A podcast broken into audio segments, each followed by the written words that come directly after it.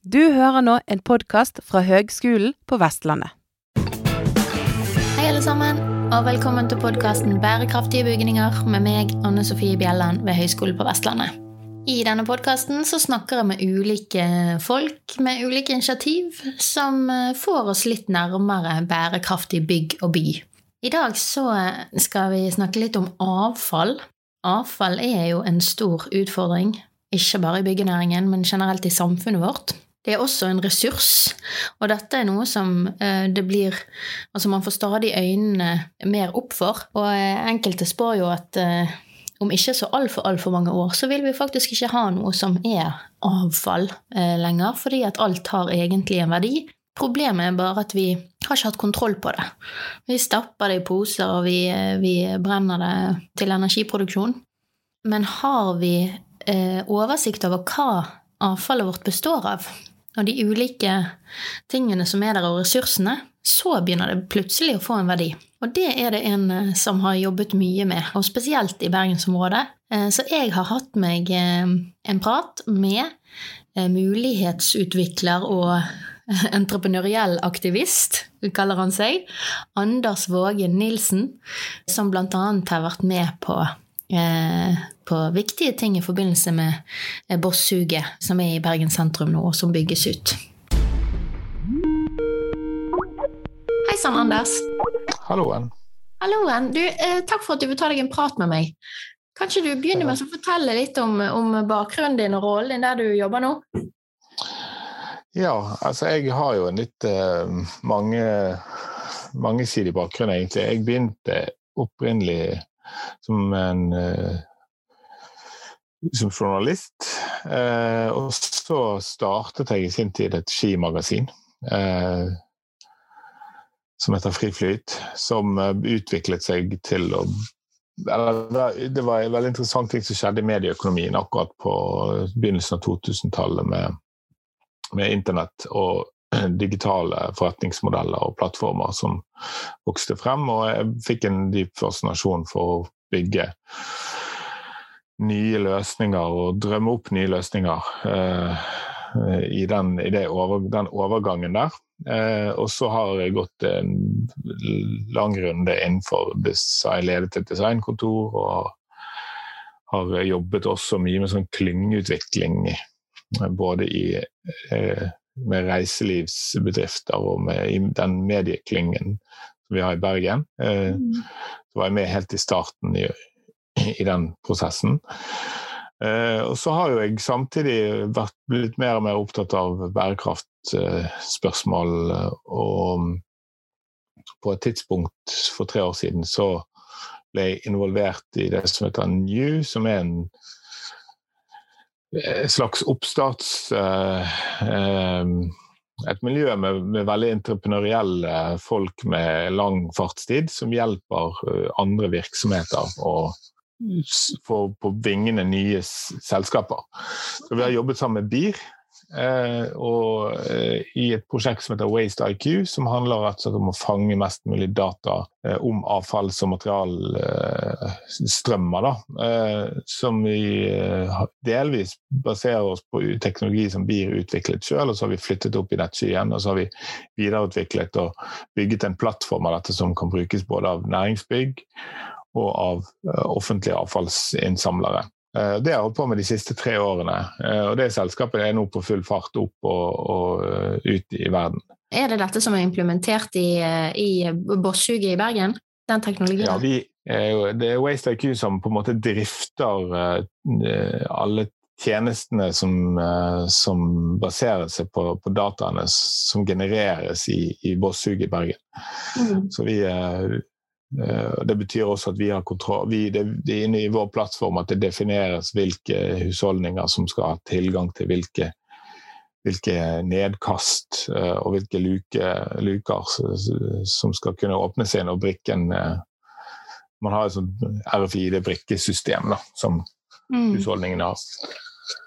Så, så, det vi har tatt over driften og, og, og administrasjonen av det systemet, pluss en mengde andre avfallstekniske løsninger. Da.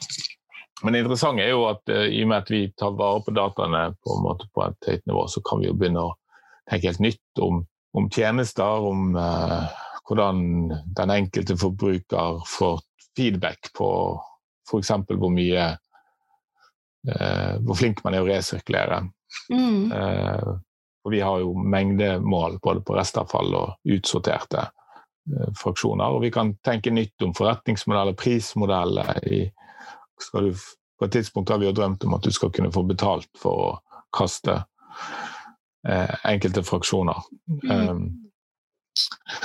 og det har vi jo for så vidt innført også på, i noe næringsbygg.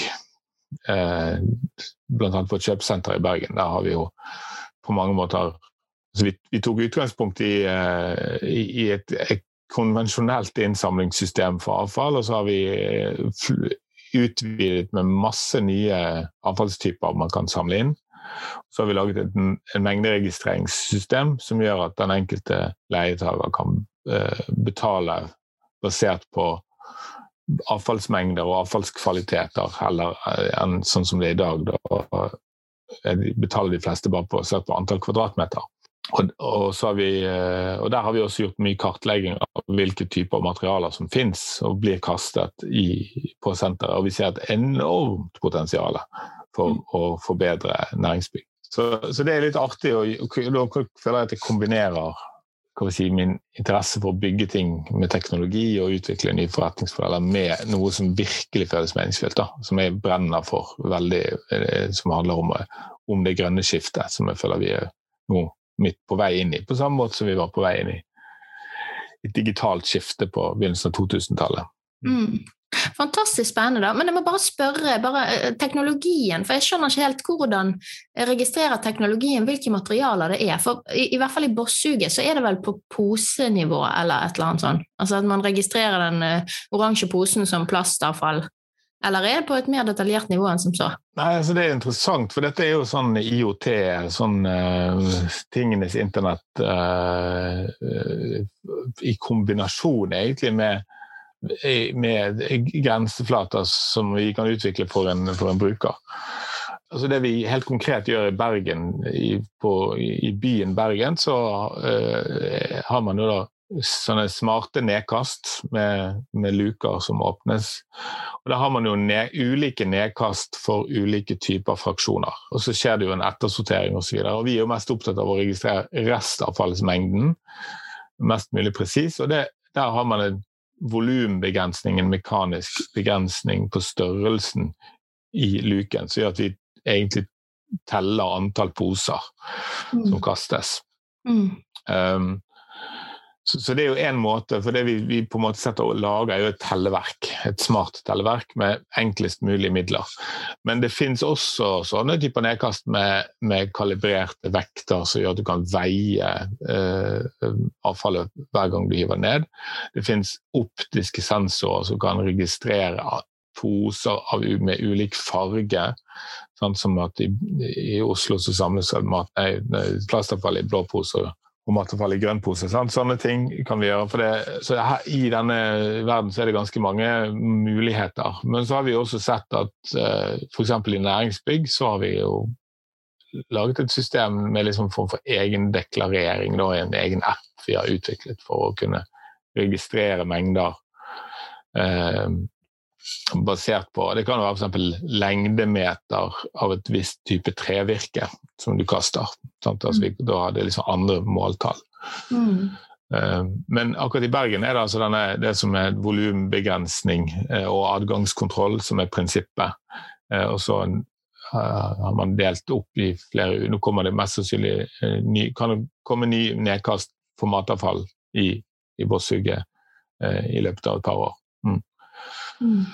Fantastisk. Men det er veldig, det er veldig artig fordi vi, vi, vi, må liksom utnytte forskjellige typer teknologi å, i kombinasjoner av forskjellige typer teknologi for å kunne oppnå målet som er å registrere mengder mot den enkelte forbruker.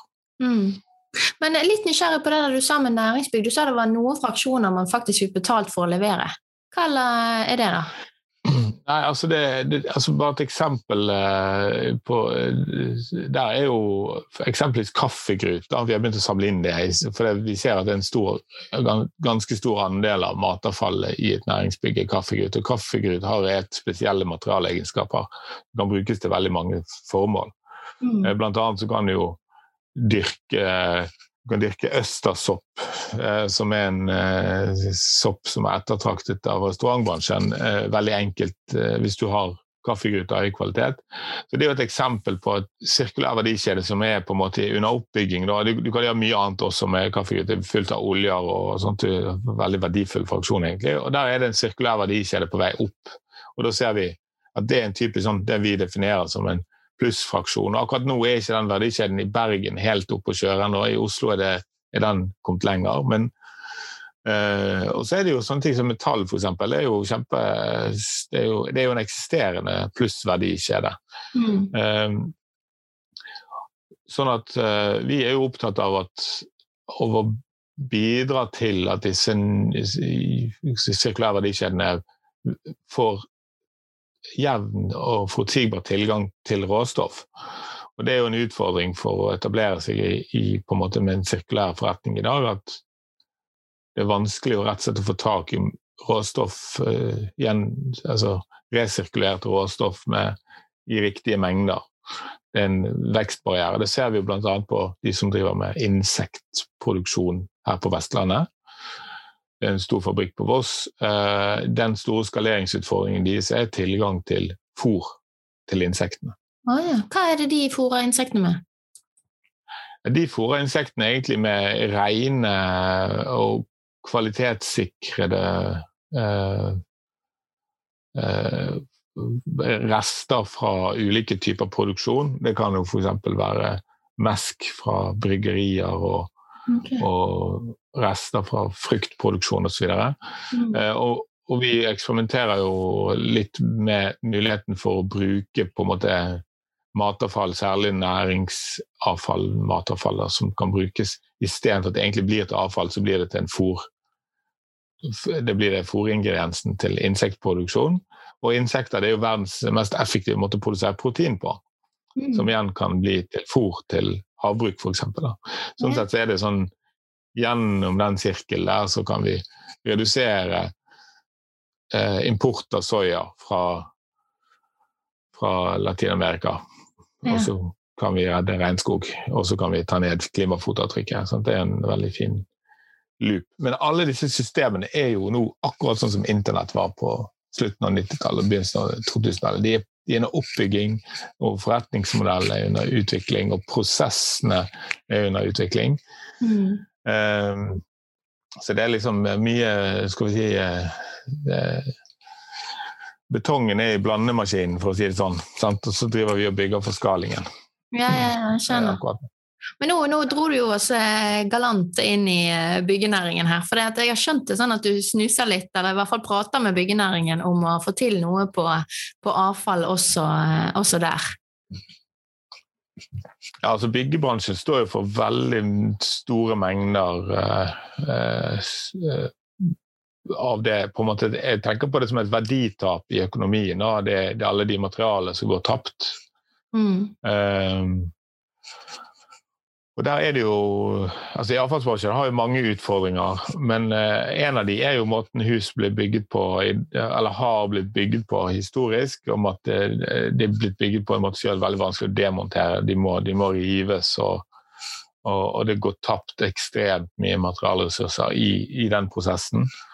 Um, så det er klart, akkurat nå så er det jo eh, Eh, altså En kortsiktig utfordring er å, å, redde så mye som mulig av de materialverdiene som fins. Eh, det som på en måte kan ha et, et liv i etterkant av, et, eh, av, at et bil, eh, av et hus skal dekommisjoneres, så jobber jo Waste IQ med å og, og, prøver vi, vi, kan jo tilrettelegge for liksom kalle smarte, smarte rivnings prosjekter. da, Med at vi kan logge og være flinkere til å sortere ut og logge materialer som kan ha en annenhåndsverdi og, og dyttes inn i sirkulære verdikjeder. Eh, så Der har ikke vi kommet så langt, men vi, vi jobber med, med i flere måte, dialoger rundt akkurat det. Hvordan vi, det vi har utviklet nå, føler jeg føles som en, en tjeneste som også kan benyttes i byggebransjen. Mm. Eh, men jeg er opptatt av bygg på flere. så Jeg har også vært eh, involvert i et, i et prosjekt som går på smart forvaltning av bygg da, i klima- og bærekraftsperspektiv. Som jeg har jobbet litt med Proptech-klyngen i Bergen om å bygge en plattform så et slags bærekraftbarometer eller en forbedringsplattform for bærekraft for bygg. Så eh, jeg er veldig, veldig opptatt av byggebransjen for tiden. ja, men det tror jeg vi i byggebransjen skal være glad for. ja. Det, gir jo frukter, det du er opptatt av. ja. Nei da, men jeg, jeg, en, eh, altså jeg, liker jo å utfordre eh, liksom ganske grunnleggende premisser ofte for, for, for hvordan man opererer i dag og tenke liksom, hvordan burde dette egentlig ha vært. Sant? Og så er det noe med den teknologien som, som eh, kommer inn fra sidelinjen, sant? som endrer av og til betingelsene for hva det er mulig å få til. Og det er jo veldig tilfellet akkurat nå i byggebransjen med, med smart teknologi.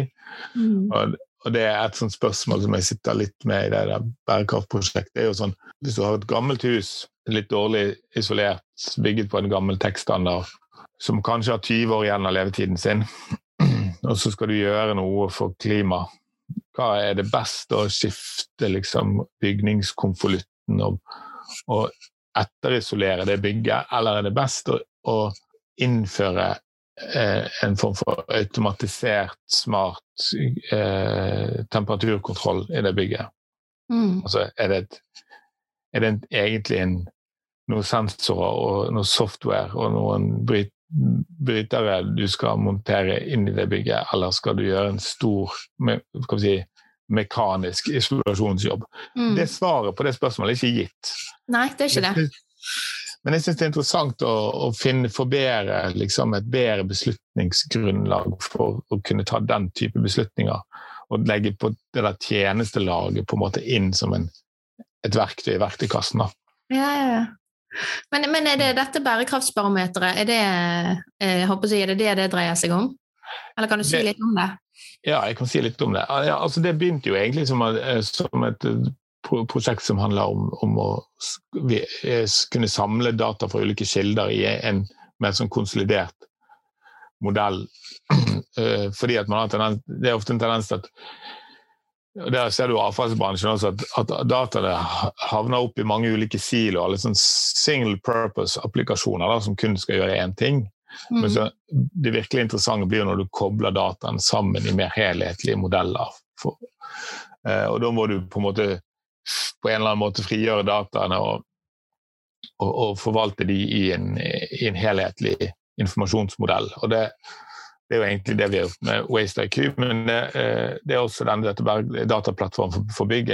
Det var det interessant å se på hvilke data vi har data fra offentlige kilder, og fra sensorer og fra energimålere. og vi har, eh, vi har BIM-modeller for liksom sånne digitale eh, egentlig dokumenter som dokumenterer oppbygget digitalt. Og vi har forskjellige sertifiseringer. Sant? Vi har masse med Bream og.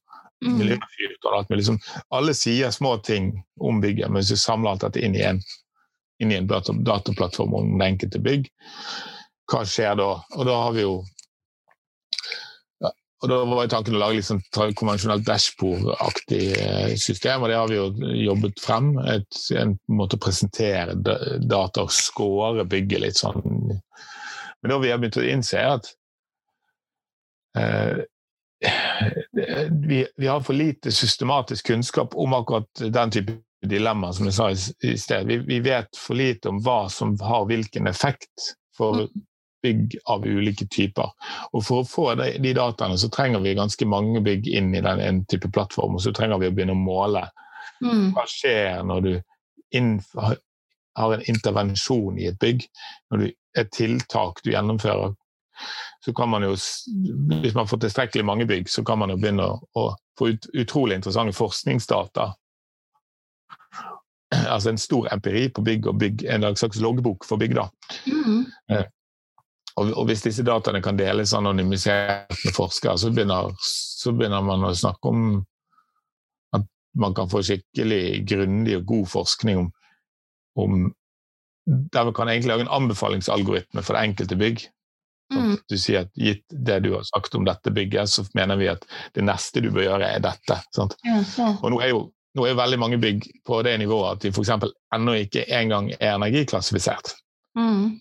Eh, så, så man begynner jo på et veldig veldig lavt nivå. Men, eh, s- og det vil jo være anbefalingen hvis man svarer nei på spørsmålet om energiklassifisering, så vil jo det være et, et forslag til et, til et tiltak. Men når du kommer opp i digital modenhet for bygg, så kan du liksom begynne å snakke om at du kan ja, På et tidspunkt så kan man begynne å snakke om at bygget ikke bare er en konsument av energi, men at bygget er en produsent av energi, og også en, på en måte en aktør i et sånt sammenkoblet energisystem. Der man, har en, der man f.eks. kan begynne å optimalisere for effekt, for å kunne ta ned, liksom øke kapasiteten i, i kjernenettet og sørge for smart utveksling av energi mellom bygg når det trengs. Mm. Det er jo liksom dette mikrogrid-systemet som man snakker om. Eh? Det, da snakker du om et bygg på med veldig høy modenhet, som ikke engang bare tar vare på seg sjøl, men som også tar vare på omgivelsene sine i energiperspektiv. Det, og det, EU pusher veldig hardt i den retningen nå. Og vi tror jo at, at Norge er veldig godt egnet sted for å utvikle den type modeller Mm. vi er digitalt moden befolkning, og vi har masse kjempegod infrastruktur, og vi har flinke, flinke energiselskaper og entreprenørbedrifter, og vi har liksom Så vi er ganske langt fremme i verden på det. Ja. Og det betyr jo at det ligger store muligheter for å bygge opp virksomhet i, i, i Norge som kan eksporteres. Ja. Utrolig spennende. Men nå er, er denne, her, er denne digitale løsningen, eller denne her samkjøringen av ulike data for et bygg, det er nå en, en slags pilot dere kjører, eller? Ja, altså Det er fortsatt eh, mye diskusjoner som gjenstår om innretningen av det prosjektet og videreføringen av det prosjektet og sånn, men eh, vi har bygget en eh, prototype eh, av tjenesten i veldig tidlig fase. Jeg har begynt så vidt å samle inn litt eh, data på enkelte bygg. Mm. Og så har vi ja, så ser vi også at de dataene er interessant for andre. F.eks. er de interessant for banksektoren Mm. som akkurat nå har krav på seg om å kunne dokumentere opp hva lånene deres brukes til i klimaperspektiv. En grønn finansiering. Ja. Eh, så vi har eh, eh, Vi har også ser litt på et pilotprosjekt der vi kan dele data videre til, til en bank som en slags dokumentasjon. Mm. Så det så det jobber vi med altså det, Akkurat det, Der er vi liksom, i, i dialogen nå, og så kommer det til å bli lansert en veldig enkel liksom, registreringstjeneste, mest sannsynlig, da. Eh, om eh, ja, kanskje noen måneder. Eh, og så eh, får vi se. Da må man ha en spill. Det er litt sånn med digital utvikling at det er lurt å komme i gang med noe enklest mulig, og så lære underveis, og så iterere på det og bygge videre på det. Ja, ja. Er, sånn jeg, det er sånn jeg liker å jobbe, i hvert fall. ja, veldig bra. Men blir den åpen og tilgjengelig for alle, den uh, første versjonen? Ja, det må vi akkurat Utrydningsplanen har ikke vi helt sett på. Det kan være at den blir først i en slags lukket beta med litt sånn uh, mer uh, lite Bare for å ta ut barnesykdommene og, og, og, lære litt om et mindre antall bygg, og så åpnes den Mm. eh, for flere. Men det, det har ikke vi, akkurat den uh, utrullingsplanen har ikke vi liksom definert 100 Nei, ok. Men hvem er partner i dette her prosjektet her, da? Altså Dette er jo på en måte det nettverk av virksomheter som fikk opp denne Proptech Innovation-klyngen. Ja. Eh, Og dette prosjektet ble jo på en måte satt i gang litt eh, i forkant eh, og, og før man fikk offisiell klyngestatus. Uh, og, eh, så er mange, her er det mange som har vist vilje til å innovere og samarbeide om, om å drive ut forskning på dette. Men uh, altså, BKK er med, og, og eh, noe altså, Airthings og uh, har vært involvert i dette. Og vi har hatt en, en styringsgruppe med både kommunen og konsulentmiljøene og en ganske stor gruppe av bedrifter som på en måte har vært involvert i dette prosjektet. Mm. Og det syns jeg er veldig fint. da. Ja, det er jo kjempebra. For dette her, her kreves det jo en ganske tverrfaglig forståelse for, eh, for bygg og eh, IT og alt mulig. Ja da. Altså, vi har jo andre jeg, Og er det kanskje litt typisk eh, sånn som jeg jobber, at jeg har jo på en måte utfordret litt underveis eh, så er det noe med at man skjønner ok, her akkurat på det med en sånn, å lage et dashbord for bygg og sånt, en driftsplattform for bygg, det er ganske mange aktører som jobber med det. Mm. Men det der med å, det med å hva si, få inn data og systematisere kunnskapen om bygg og hva som, vil, hva som har hvilken effekt i bygg, og så kobler du samtidig det på liksom, en modell som sier litt om, om fremtiden og antatt beste praksis litt fremover i tid. Eh, eh, det, er det ikke noen som har jobbet med. Og da får vi frem en sånn hurtigmodning av, eh, av byggene. Hvis vi får til det hvis vi hadde fått til det her i Norge, da, med å, å, å liksom tenke at vi skal, vi skal få være raskere, lengst fremme i liksom, digital modenhet på bygg, og få opp mange bygg med, som kanskje gjør litt forskjellige ting, men samtidig som vi høster liksom, innsikt og, og, lærer av hverandre, lærer hvert bygg på en måte bidrar inn i en sånn eh, datasett som vi kan trekke lærdom ut av. Da, da, eh, da tror jeg Norge virkelig kan posisjonere seg på, på byggteknologi mm. og forståelsen. Absolutt. Utrolig spennende. Er det noen andre i verden som liksom sysler med samme greien, da? Hey, altså det, altså det, er, det, er, veldig interessant når du gjør litt sånn research, for du oppdager jo sånne uh, ulike Det kan være alt fra liksom noen open source-prosjekter til noen uh, til noen EU-initierte e prosjekter, til noen forskningsprosjekter. Altså det, det, det, jobbes jo med tematikken. Mm. Og EU har jo også gjort et arbeid på det de kaller for eh, eh, Digital Logbook for Buildings, som eh, som uh, egentlig beskriver Det er litt interessant, for det, det kom litt seint på radaren vår, men, men det beskriver jo eh, egentlig en type eh, eh, registrerings- og logging En slags record for bygget som kobler offentlige datakilder med byggintegrert teknologi og, eh, og, og, legger på en måte en status for hvilke type tjenester og løsninger som er implementert i bygget. Um, det har de på en måte beskrevet da, som, en, som, en, ønsket De mener på en måte at alle bygg bør ha en sånn loggbok. Ja, jeg har begynt å lage den. vi, har, vi har alltid begynt å bygge den. Det, det, ja. det er ganske kult. Ja. Veldig veldig spennende. da. Hvordan tror Du dette her, ja du har jo vært inne på det, men hvordan tror du det vil bli i fremtiden? da? Eh, nei, altså, det er jo noen ting vi vet. Altså, det, er sånn, det, er noen ting man kan anta om fremtiden, så det er noen ting man vet om fremtiden. sant? Um, og én ting vi vet, det er liksom uh, at marginalkostnaden for uh, skal vi si, sensorikk og den type ting synker. Det blir billigere og billigere. Vi vet at kommunikasjon, som i dag er en barriere for å installere mange mengder av sånne sensorer, vil bli billigere. Uh, du ser BKK har bl.a. gått inn og satser på sånn LoRaWAN, som, som blir et utrolig mye billigere eh, nettverk for, uh, for, for, å kunne billig hente ut data fra veldig mange sensorer, f.eks. Så det, det, kommer definitivt til å bli sånn at vi forstår mer av tilstander mm. i, i, bygg.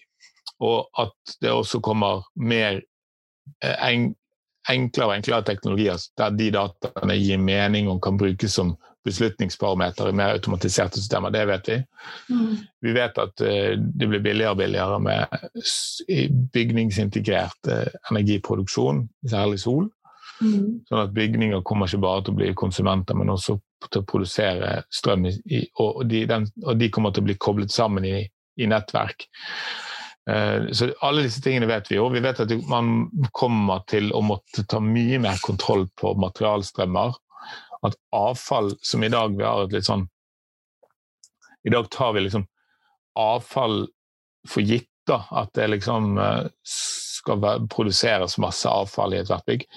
Eh, der kommer vi til å begynne å få en fornemmelse at det vi, vi, vi, vi opererer på en måte som en del av eh, flere ulike sirkulære verdikjeder.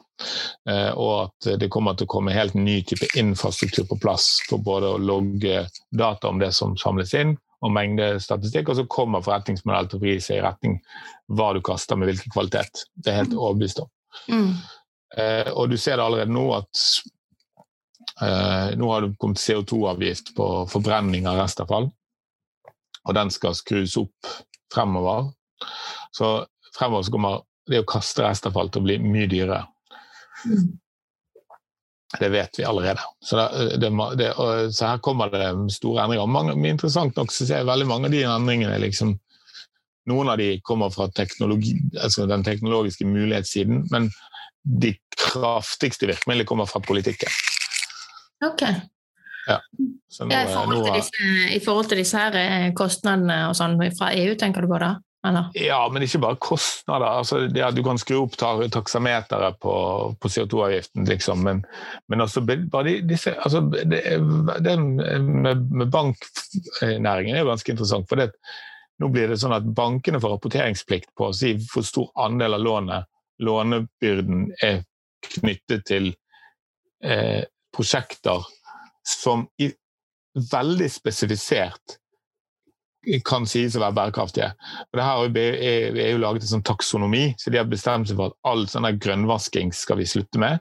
Nå skal vi ha helt spesifikke kriterier hvis noe skal kunne kalles bærekraftig. Så de har laget den liksom, eh, oppskriften på hva som er bærekraftig. Eh, og så sier de at bankene må ha en viss andel av lånet eh, Når de skal gi ut lån, så må de vise, bevise gjennom porteføljen sin av prosjekter de gir lån til, at de tar sin del av ansvaret for bærekraft. Og Det betyr plutselig at skal du få lån Du får rett og slett ikke lån hvis du har et prosjekt som ikke er bærekraftig. Mm. Det, og Det er jo et virkemiddel som er veldig elegant. for det, det er myntet et, et krav som stilles til finansnæringen, men som får en sånn overrislingseffekt i hele økonomien. Mm. Um, og det kommer i særlig uh, skal vi si, byggebransjen, som, som er ofte tungt lånefinansiert, mm. uh, vil jo merke dette veldig. Sant? Yeah. Kjempespennende. Det, det Dette er jo egentlig et hjul eller en snøball som har begynt å rulle, og den kommer ikke til å stoppe. Egentlig. Nei, nei, nei. nei og det, og det, dette er litt sånn interessant, for EU, EU, har jo i EU har jo de skjønt kraften som ligger i sånne altså de, jeg, Av og til syns jeg nesten litt sånn skamløs politikk, for de bare, de bare bestemmer seg at i 2030 skal vi ha null sånn, vi skal ha så enorm utvikling. Og så bare bestemmer de det politisk, og så har de noen ganske sånn heftige, super, super heavy tools i verktøykassen sin. Mm. Eh, som de bare ikke nøler med å ta i bruk. da. Så Der syns jeg det er litt sånn modig da, på en måte, eh, politisk å faktisk bare bestemme seg for at dette skal skje, og det skal skje fort. Så der tror jeg norske politikere har en del å lære. Ja, det tror jeg kan være enig med deg i. Um, ja. Men det er jo utrolig spennende å, å høre om disse greiene her. Det, det, og det krever jo en sånn tverrfaglighet. Du har jo klart å bygge deg opp en utrolig innsikt i, i både bygg og IT og på en måte nyskapningsmetodikk, egentlig. Ja. Nei, altså, jeg kan si at min historie er jo litt Jeg er jo litt sånn halvstudert røver som har, uh, som har uh, gjort veldig mye rart opp igjennom. Og så tenker jeg av og til at alle de ulike erfaringene med å lage teknologi, jobbe med kommunikasjon Være litt så, kanskje litt sånn politisk orientert også fordi jeg er opptatt av hvilke store samfunnsutfordringer vi skal løse. Så tenker, dra det ned igjen til forretningsmodeller. for det mye systemfeil i vår tid er jo rett og slett feil forretningsmodeller. Business på feil premisser. Mm. At, eh, og, det, og Derfor jeg, det kaller jeg meg ofte entreprenøriell aktivist. Jeg tenker at Min måte å endre verden på er å endre forretningsmodeller og få opp, opp nye virksomheter som kan utfordre det etablerte. Mm. Og det, er, det er potensielt ganske kraftfullt. Eh, så det, men, og, og mye, av min, mye av denne erfaringen er liksom ferskvare også, fordi at teknologi er ferskvare. Du må liksom jobbe med det hands on for å, for å forstå hva det kan brukes til. da. Mm. Eh, Så derfor tror jeg bare så ut og prototyp, bygg ting, jobb med liksom Vær hands on så lenge man klarer. Og jeg, nå jeg eh, jeg føler meg fortsatt ganske ung, men jeg er jo blitt eh, ikke så veldig ung lenger, men jeg, jeg, jeg, den spiriten da, fra det at liksom, Du må ut i grøften og stå og spa litt for å liksom eh, få den kan vi si, virkelig dype forståelsen for, for hva for eksempelvis teknologi kan være. da. Eh, og så må man prøve å kombinere det med å tenke de litt større og strukturelle tankene om hvordan den konkrete kunnskap om teknologi må kobles mot en litt mer sånn abstrakt og eh, filosofisk forståelse av, av hvordan verden er skrudd sammen, og hva som er, er de, den egentlige utfordringen. Mm. Og Det er en vanskelig kombo, men det er utrolig givende. da. For du får en høyere himmel over det du holder på med. Altså Hvis vi skal summere opp, så eh, husk at veldig mange luringer i før i tiden tok feil. Og ikke hør på alt det dere lærer på skolen av eh, oss som jobber der.